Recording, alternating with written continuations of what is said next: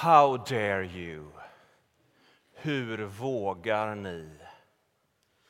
Det är Greta Thunbergs ord i FN som har vandrat runt jorden och både prisats och häcklats. Ord som väcker starka reaktioner, både positiva och negativa. Ord som är på riktigt, är ord som både väcker längtan och hopp men också starka reaktioner många gånger av vrede och motstånd. Martin Luther Kings berömda tal I have a dream är ett annat exempel. Jag har en dröm om att en dag på eh, Georgias röda kullar kommer söner till tidigare slavar och söner till tidigare slavägare kunna sitta ner tillsammans vid brödraskapets bord. På samma sätt, Jesu ord väcker starka reaktioner. Det är outhärdligt att lyssna till honom. Vem står ut med vad han säger? Vad är det Jesus har sagt som provocerar så, som väcker både avsmak och längtan?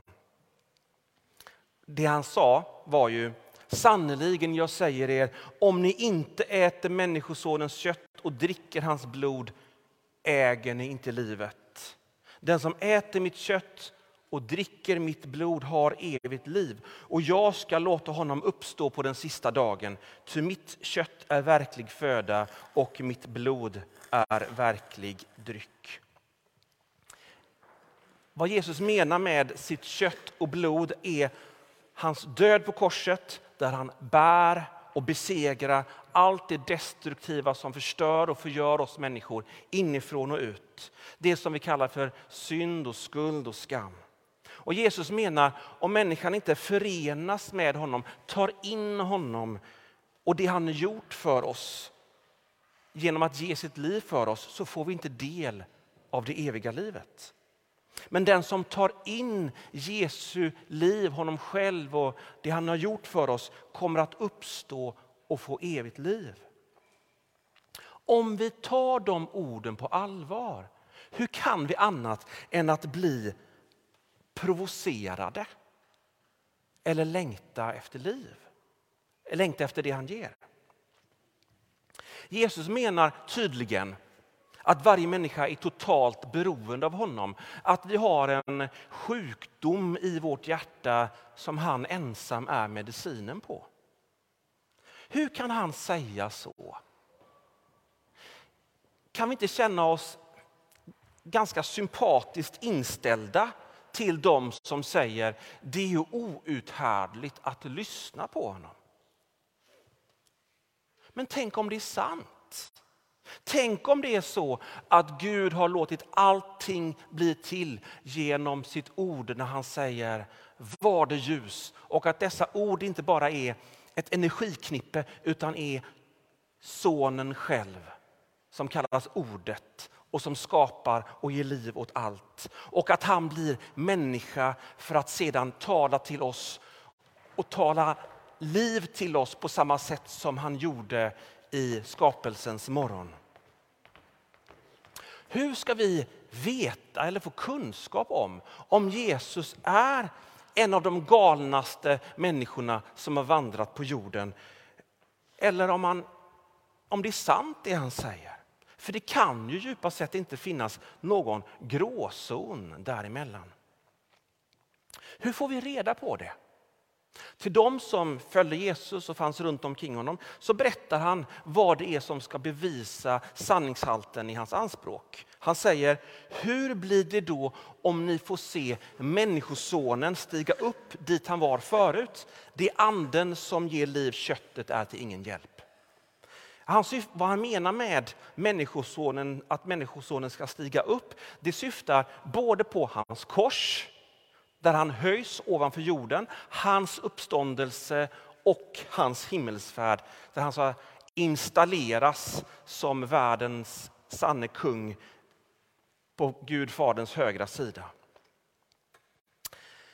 Det finns en kardinal, eh, jag vet inte om han lever fortfarande, men han heter Lustiger alltså en katolsk präst. Och när han var en liten pojke så bestämde sig han och några av hans kompisar för att eh, skoja med den lokala prästen. Så att de går in i biktpåset och bekänner den ena synden gruvligare och hemskare än den andra. Och prästen fattar ju naturligtvis vad det är de håller på med.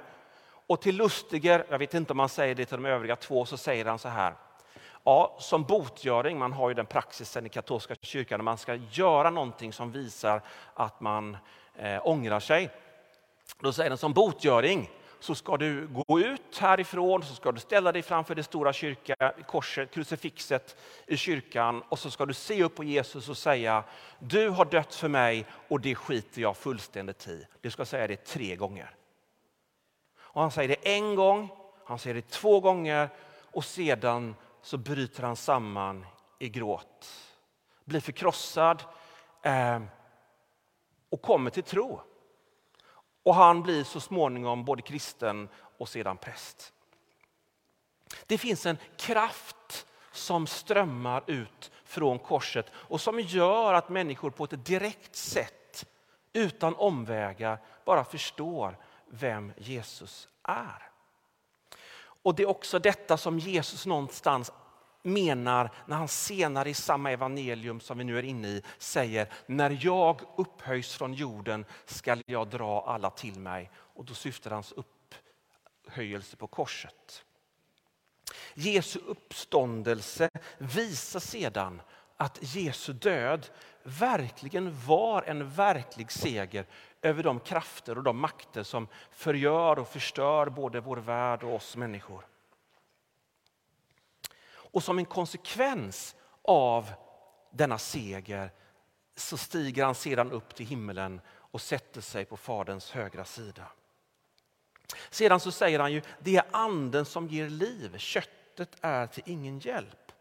Och vad Jesus menar med det, det är att köttet syftar på människans av födseln naturliga förmåga. Och Det här är också provocerande för han säger ni har ingen förmåga naturligt sett att tro på det jag säger. Nej, anden måste komma och värma era frusna hjärtan med Guds kärlek så att ni blir en fruktbar och mjuk och mottagbar jordmån för ordets frön som sås i era hjärtan. Det här har ju också en praktisk tillämpning. Vi kan ju själva uppleva det som så att Jesu ord när det kommer till oss är som sädeskorn som kastas ut på en frusen asfalterad väg. Och känner det liksom landar inte. Och Då kan vi börja be och säga gör mitt hjärta mjukt genom din kärlek, genom din ande så att jag kan ta emot, så att det kan växa. Det ord jag har talat till er är ande och liv, säger Jesus. Och Petrus säger, du har det eviga livets ord.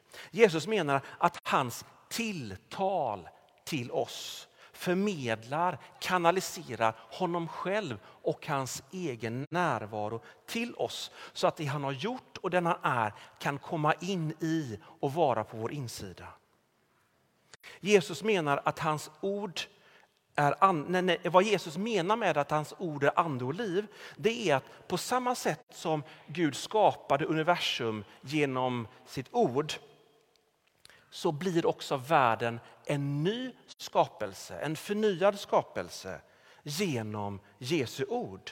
Där han tar den här gamla trötta världen som vi nu lever i renar och helar och befriar den från allt det onda och sedan glödgar den med Guds egen närvaro.